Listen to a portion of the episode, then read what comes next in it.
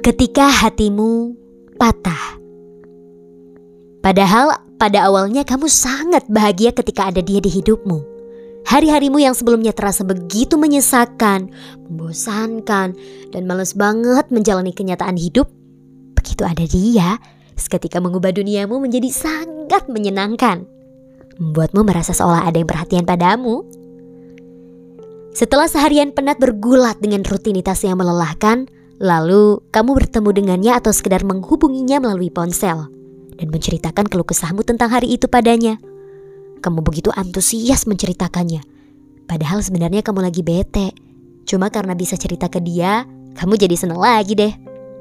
Kamu pun mengira kalau dia akan selalu ada untukmu. Dia diciptakan Tuhan di dunia ini adalah untuk menjadi milikmu. Kamu diciptakan Tuhan adalah untuk bersamanya. Oh, Hebat. Bisa-bisanya mengira seperti itu. ya, begitulah kalau sedang jatuh cinta. Memang kerap halus seperti itu. Cerita awal memang sering menghayal seperti itu. Bertemu dengannya, menjalin hubungan yang lebih intens, pacaran, menikah, membangun keluarga, lalu meninggal. Eh, gak taunya putus. Dan kebanyakan memang putus sih. Hanya karena dia sering bersama denganmu, bukan berarti dia adalah milikmu. Pede banget deh. Padahal bisa aja sewaktu-waktu dia pergi meninggalkanmu. Udah banyak kan yang patah hati karena ditinggal doi? Ya, mungkin kamu berikutnya. Eh, atau udah ditinggal dan lagi patah hatinya sekarang. Mana? Katanya dia akan selalu ada untukmu. Kok sekarang gak ada sih? Udah ditinggal pergi ya? Kemarin seneng, kemarin bahagia. Kak sekarang lesu sih. Udah putus ya. kemarin postingannya uwu-uwan terus. Romantis terus. Storynya isinya tentang dia melulu. Eh kok sekarang storynya galau terus sih? Ada apa nih? Hmm, pasti putus ya. Sekarang isi storynya background hitam gelap semua ditambah background galau plus dikasih kata-kata atau quotes galau yang menggambarkan perasaanmu atau kata-kata kode ke doi. Eh salah salah salah. Kemantan maksudnya. kan udah dikasih tahu gak usah pacaran. Jangan baper sama perhatian yang diberikan. Udah jelas juga kan kalau Allah melarang kita untuk berpacaran. Kok tetap dilakuin pacarannya? Bangga lagi pamer di medsos. Ai kamu tehku maha. Nah, sekarang baru tahu kan sakit hatinya, patah hatinya. Allah tuh gak main-main ngelarang kita untuk berpacaran. Gak boleh pacaran kata Allah. Diingetin berkali-kali untuk tidak menjalin hubungan yang tidak berlandaskan akad tetap aja mau pacaran.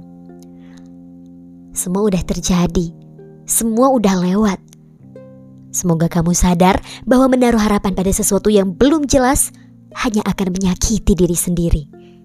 Semoga dengan patahnya hatimu, kamu menjadi sadar bahwa hanya Allah yang selalu ada untukmu, yang tulus mencintai dan menyayangimu.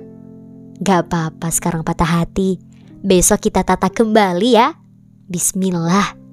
Yang penting kita tidak berprasangka buruk sama Allah. Meskipun sedang patah hati, kita harus tetap berprasangka yang baik-baik sama Allah. Karena Allah itu maha baik. Apa pun yang terjadi karena Allah, insya Allah pasti ada kebaikan di dalamnya. Dari hatimu yang patah, Allah ingin mengajarkan padamu. Hei hambaku, apakah tidak cukup perhatianku padamu hingga kamu mencari perhatian dari yang lain selain aku? Pasti ada hikmahnya dari hatimu yang patah. Semua ada pelajarannya. Gak mungkin Allah semata-mata mematahkan hatimu tanpa ada maksud di baliknya.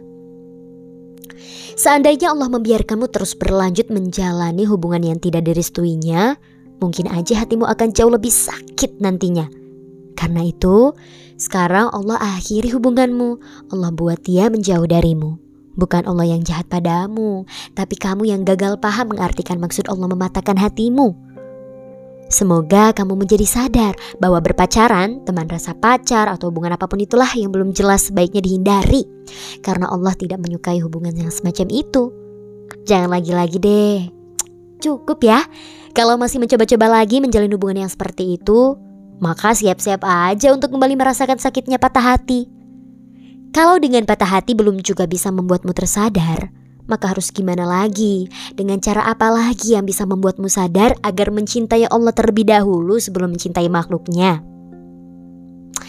So, kita Irae menyediakan buku-buku yang benar-benar worth it untuk dibaca. Ada versi cetaknya, ada juga versi e-book dan audiobooknya juga loh. Harganya cuma 30 ribuan doang. Info lebih lanjut, klik link di bio Instagram atau TikTok Shop kita Irae. BTW, thank you ya udah dengerin. See ya!